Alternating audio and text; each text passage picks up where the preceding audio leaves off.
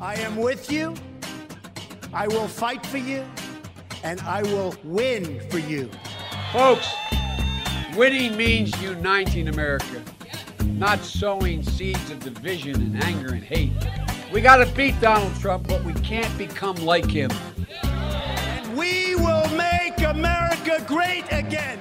Twee weken geleden stierf George Floyd nadat een Amerikaanse politieagent bijna negen minuten op zijn nek knielde. Massale demonstraties volgden in Amerika en over de hele wereld. Maar leidden die ook tot veranderingen? Dit is de Holland-Amerika-lijn. Mijn naam is Victor Pak en zoals gebruikelijk spreek ik met Amerika-correspondent Emiel Kossen in Washington, D.C. Welkom Emiel. Hi Victor. Als je één woord moet gebruiken om de afgelopen weken in Amerika te omvatten, welk woord zou je dan kiezen? Explosief. Laten we zeggen explosief.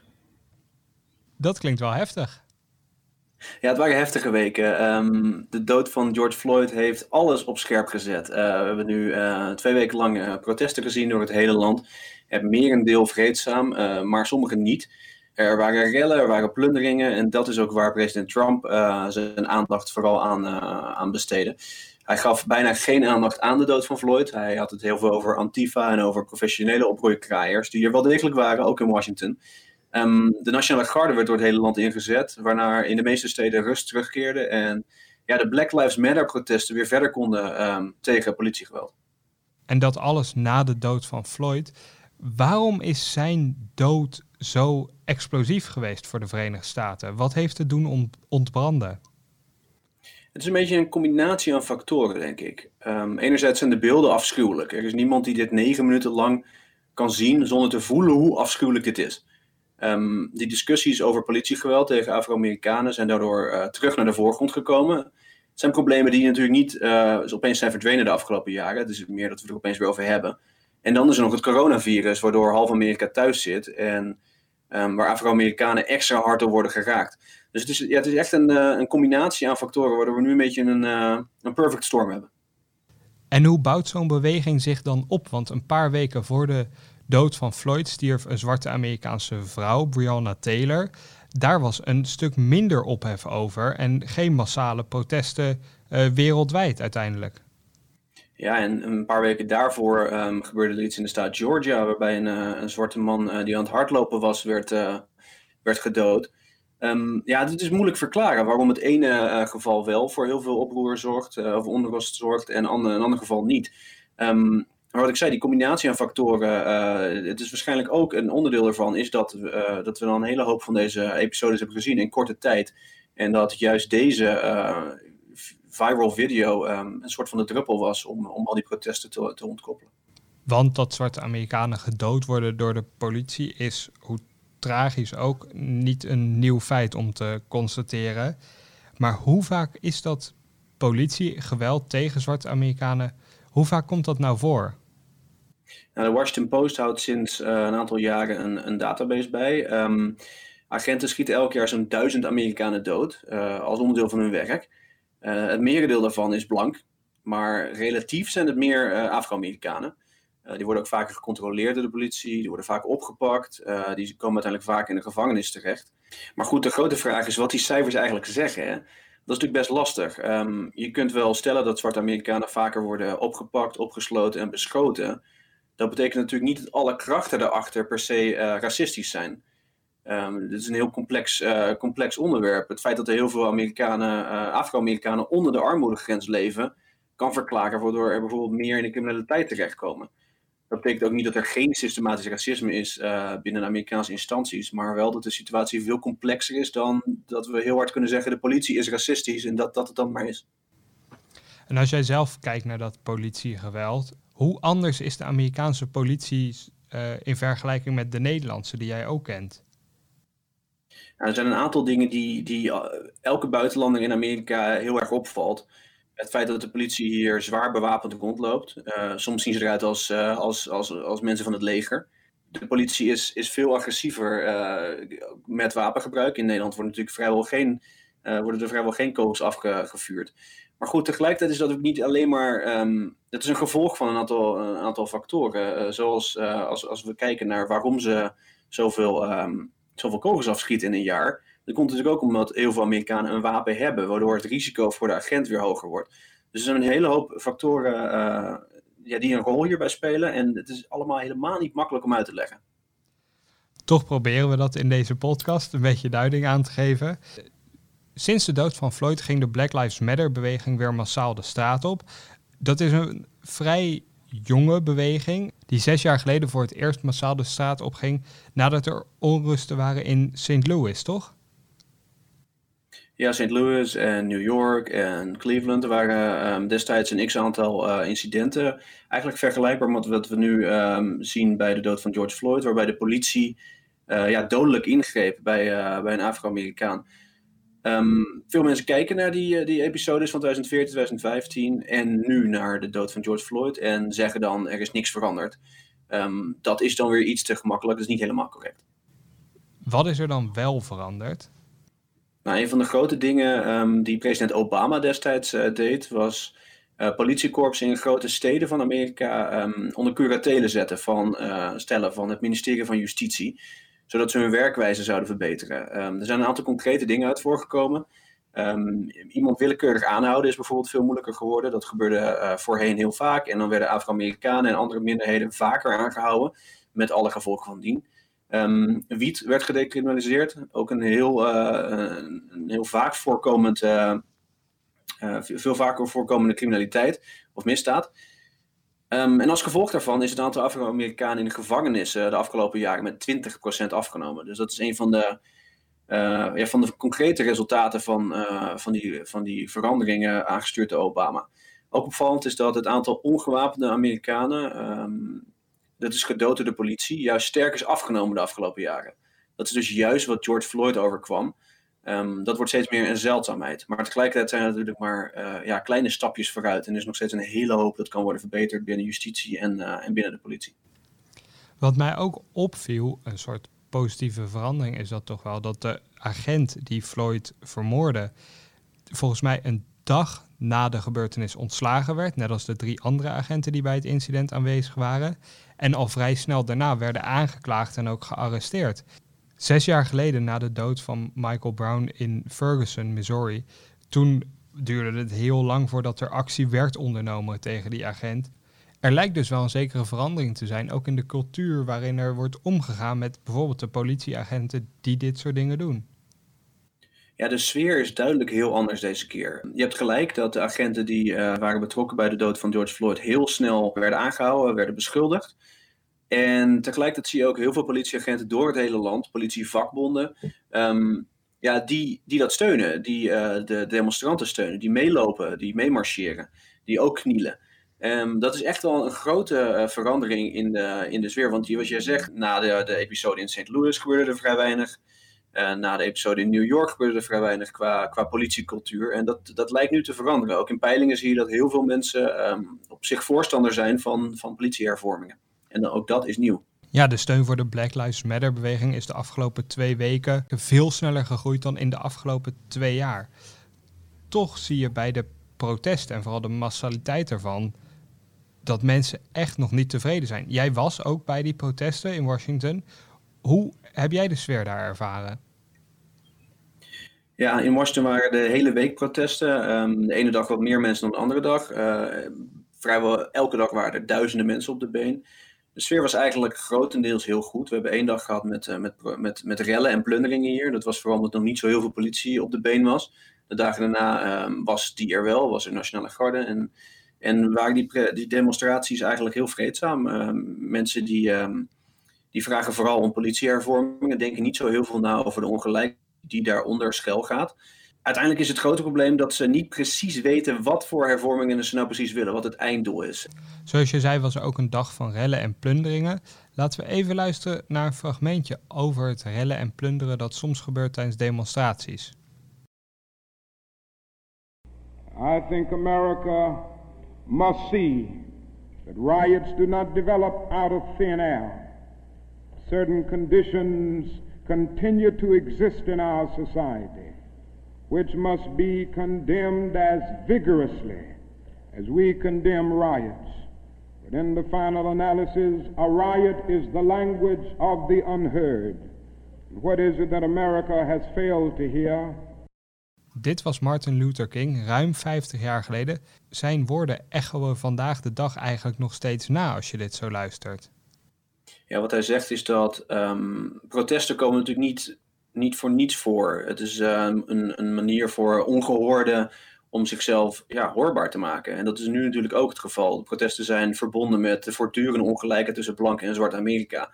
Um, die statistieken zijn voor iedereen um, ja, openbaar te zien. Afro-Amerikanen hebben gemiddeld gezien een lager opleidingsniveau, minder inkomen, minder vaak een huis. Ja, dat verklaart natuurlijk waarom er nu zoveel mensen uh, protesteren. En het is natuurlijk een heel slecht teken dat woorden van 50 jaar geleden nog steeds gelden. King kaart hier de positie van achtergestelde aan. Maar daar is dus eigenlijk in ruim 50 jaar nauwelijks verandering in gekomen dan. Nou, ook die situatie is complex. Uh, op zich, uh, de me meerderheid van Afro-Amerikanen behoort inmiddels tot de middenklasse. Met een hele hoop Afro-Amerikanen gaat het hartstikke prima. Maar er is een groep um, die, die vastzit onder die armoedegrens. Een aanzienlijk deel, een vijfde van, van Afro-Amerikanen. En ja, als je daar eenmaal in vastzit in Amerika, dan is het heel moeilijk om eruit te komen. Dat is eigenlijk niet eens raciaal. Als je uh, blank bent en heel arm bent, dan kom je daar ook heel lastig uit. Um, Black Lives Matter beweging uh, noemt dit systematisch racisme. Um, ze verwijzen daarbij naar de drempels die worden opgeworpen in het leven van een zwart persoon. Je kan je voorstellen dat als je in een, uh, in een arme buurt woont, dat de scholen minder goed zijn, dat er daardoor meer criminaliteit is, dat er minder toegang is tot het zorgsysteem, dat je minder goede banen vindt, dat je uiteindelijk zelf minder geld verdient en dat het heel moeilijk is om, uit die positie uh, te komen.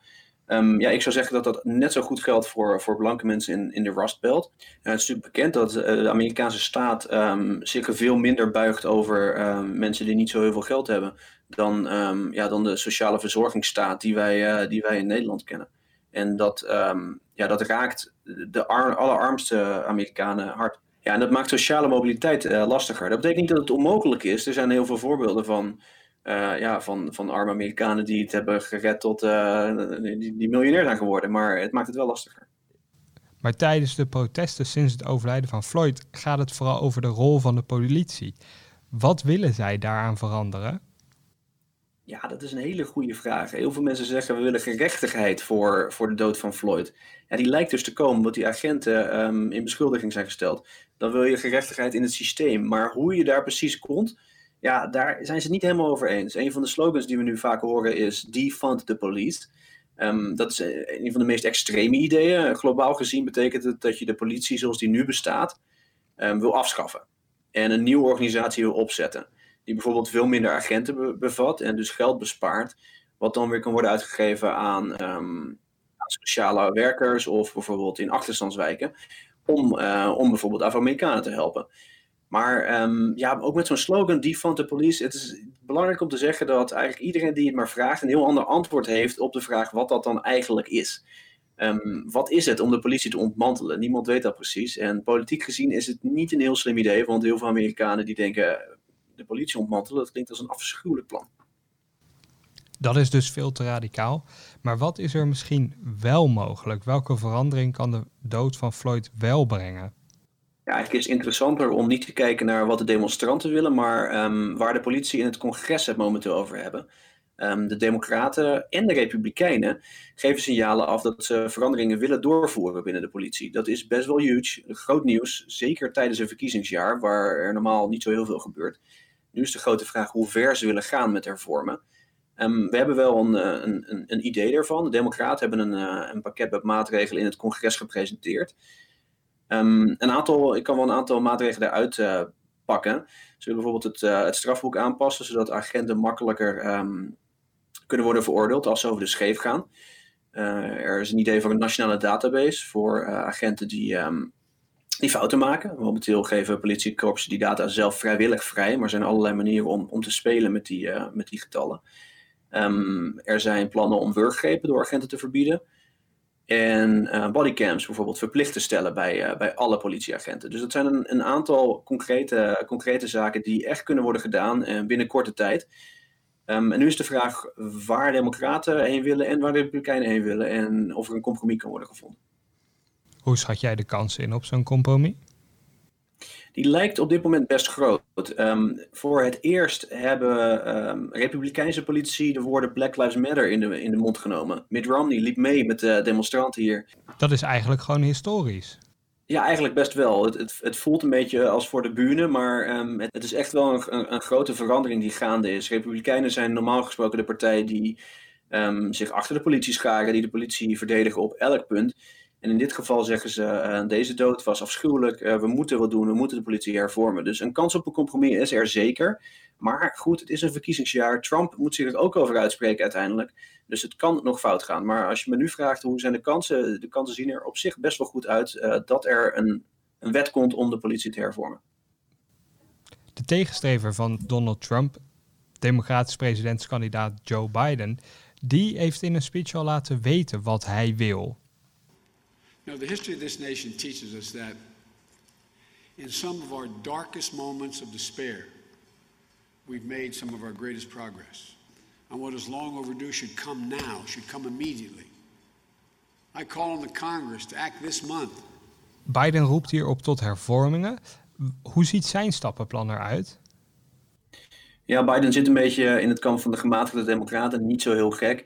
Um, een van de, de voorstellen die hij deed was uh, dat politie minder uh, vaak dodelijk geweld moet gebruiken, maar moet proberen om, uh, om verdachten bijvoorbeeld in hun been te schieten in plaats van in hun hoofd, hij letterlijk. Wat dan weer op, op, op, boze reacties op rechts leidde. Maar um, ja, Bidens plannen om te hervormen, die vallen een beetje binnen de categorie die we net hebben besproken. En hij sprak zich fel uit tegen het idee om de politie te ontmantelen.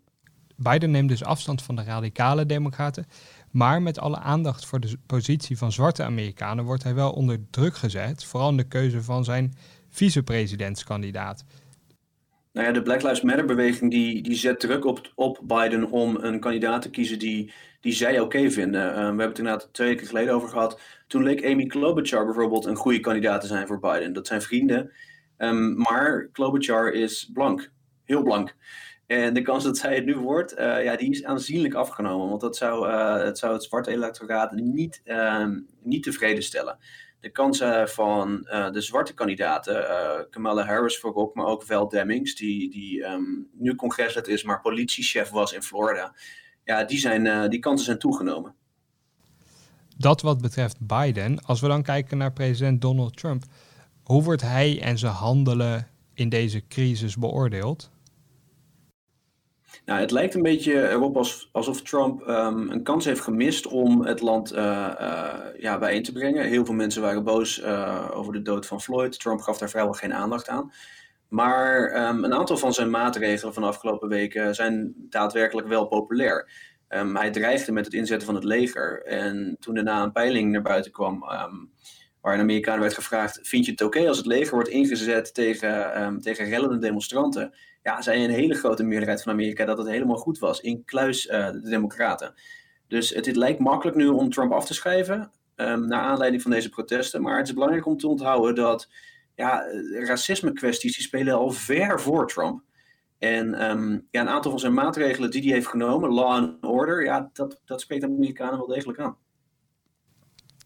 Maar wat betreft het land verenigen is hij toch totaal door het ijs gezakt? Ja, aan de ene kant hebben mensen ook niet zo hoge verwachtingen bij hem natuurlijk. Maar na deze kwestie had je misschien wel kunnen verwachten dat hij, dat hij iets zou zeggen om te rouwen over de dood van Floyd. Uh, in plaats daarvan uh, gaf hij dus een speech waar hij zei: Ik, ik stuur het leger op, uh, op, op rellende demonstranten af. Ja, dat is wel weer het tegenovergestelde. Um, het is ook niet wat zijn adviseurs hem, hem vertelden. Die hoopten dat hij een speech zou geven ja, om het land bijeen te brengen. Nou bepalen landelijke peilingen uiteindelijk niet de uitslag van de verkiezingen. Maar die zijn echt extreem negatief over Trump, hè? Ja, Joe Biden heeft in een aantal van die peilingen uh, meer dan 10% voorsprong. Uh, wat je zegt, het zijn landelijke peilingen en Amerika uh, stemt per staat. Dus het zegt ook weer niet zoveel. Um, maar het laat wel zien dat heel veel Amerikanen, waarschijnlijk vooral in de grote steden, en dus al de mensen die niet heel erg blij zijn met Trump, um, ja, boos reageren op de manier hoe hij deze kwestie heeft aangepakt. Maar als je goed eh, kijkt naar de staten, uh, de peilingen daar, dan is het, uh, is het beeld ja, een stuk lastiger en heeft Trump nog steeds een goede kans. Bovendien zijn de verkiezingen niet vandaag de dag, maar nog vijf maanden te gaan. Dus alles kan nog veranderen. En laten we nu naar de tweet gaan. The president, as you know, has been tweeting today about Puerto Rico. As we sit here testifying, the president is attacking you on Twitter. Twitter is a wonderful thing for me because I get the word out. Trump heeft dus niet zoveel verteld over Floyd en zijn dood. Ja, Trump maakt zich vooral zorgen over professionele oproerkraaiers die geweld uh, veroorzaakten tijdens de rellen. En daar tweet hij ook over. Buffalo protesters shoved by the police could be an Antifa provocateur. 75 year old Martin Gugino was pushed away after appearing to scan police communications in order to black out the equipment. Could be a setup. Trump tweet hier over een filmpje dat op ieder sociaal medium flink bekeken werd, waarbij een zeer oude man op een groep politieagenten afloopt. En hij wordt vervolgens omver geduwd en landt heel hard op zijn achterhoofd. Het duurt ook even voordat iemand hem überhaupt gaat helpen. Uh, je ziet hem bloeden. Maar Trump trekt het eigenlijk in twijfel, zo te horen. Ja, dat is eigenlijk weer typisch Trump. Hè? Uh, heel Amerika bekeek deze beelden en dacht van wat is dit? Waarom, uh, waarom wordt deze man omgeduwd? Het is wel een heel erg ongelukkige samenloop van omstandigheden. Hij loopt naar de politie toe terwijl die een, een charge uitvoeren. Um, ze duwen hem amper, maar hij valt precies op zijn achterhoofd. Um, begint daarna heel erg te bloeden. Heel ongelukkig en vervelend om naar te kijken ja, Trump die draait het helemaal om en die, uh, ja, die maakt het. Trump die draait het helemaal om en die beweert dat deze man bij Antifa hoort, zonder enig bewijs. En Antifa, wat is die beweging precies? Het is een, uh, een groep anarchisten eigenlijk, die, um, die in Amerika um, iedereen bestrijden die zij zien als fascisten. Dat is lang niet alleen Donald Trump, dat zijn eigenlijk alle republikeinen, ook een hele hoop democraten. Um, het is een zeer linkse stroming die uh, geweld niet uit de weg gaat. En het, het, klopt ook dat uh, een x-aantal politiekorpsen heeft aangegeven dat ze de afgelopen weken kleine groepjes Antifa-mensen tussen de demonstranten hebben gezien. Die uh, begonnen met rellen. want wat hen betreft kan je, kan je Amerika prima aanvallen. Kan je Amerika prima in de fik zetten. dat is eigenlijk wat het verdient, want het hele land is fascistisch. Een vrij radicale beweging dus. Jij hebt een onderzoeker gesproken hè, naar die beweging. Ja, zo'n twee jaar geleden na de uh, rellen in Charlottesville heb ik gesproken met uh, Mark Bray, die een handboek had geschreven voor de antifascisten. Um, een Amerikaanse academicus, die, uh, die schreef dus een boek um, de do's en don'ts voor nieuwe antifa-mensen. Het was een opvallend interview, want hij vergoeilijkt dus geweld. Hij zegt geweld is nodig om, uh, om de status quo te verbreken. En, en wat ook opvallend was, is dat ja, hij, dat hij dat gewoon openlijk zei. Normaal gesproken is de Antifa een hele geheimzinnige organisatie. Er is geen leiderschap. Uh, mensen die hebben altijd maskers op, praten niet over hun daden, want die zijn vaak crimineel. En Mark Bray deed dat wel en die, die schreef er dus een boek over. Moeten we er zo bang voor zijn als Trump wil dat we dat zijn? Of is het eigenlijk maar een, uh, een groepje ja, hobbyisten die graag onrust schopt? Ja, dat is een, een hele goede vraag en een, en een moeilijk om te beantwoorden. Het lijkt erop dat het elke keer kleine groepjes mensen zijn die dit, die, die, dit soort geweld ontluiken in naam van Antifa. Moeten we er heel bang voor zijn? Misschien niet, maar um, het is wel zo dat de autoriteiten dat zeer goed in de gaten houden, juist omdat ze zo gewelddadig kunnen zijn. Trump wil ze zelfs nog beter in de gaten laten houden. Hij zou de organisatie als terreurgroep willen bestempelen, maar ik begreep dat het onduidelijk is of dat eigenlijk wel kon.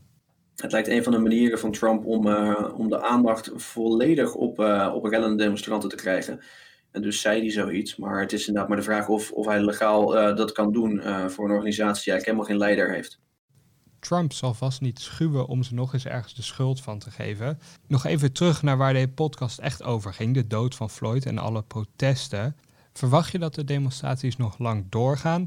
Of zitten we over drie jaar weer een podcast op te nemen waarin we dan weer een andere zwarte Amerikaan als toonbeeld hebben van politiegeweld zonder dat er echt veel veranderd is?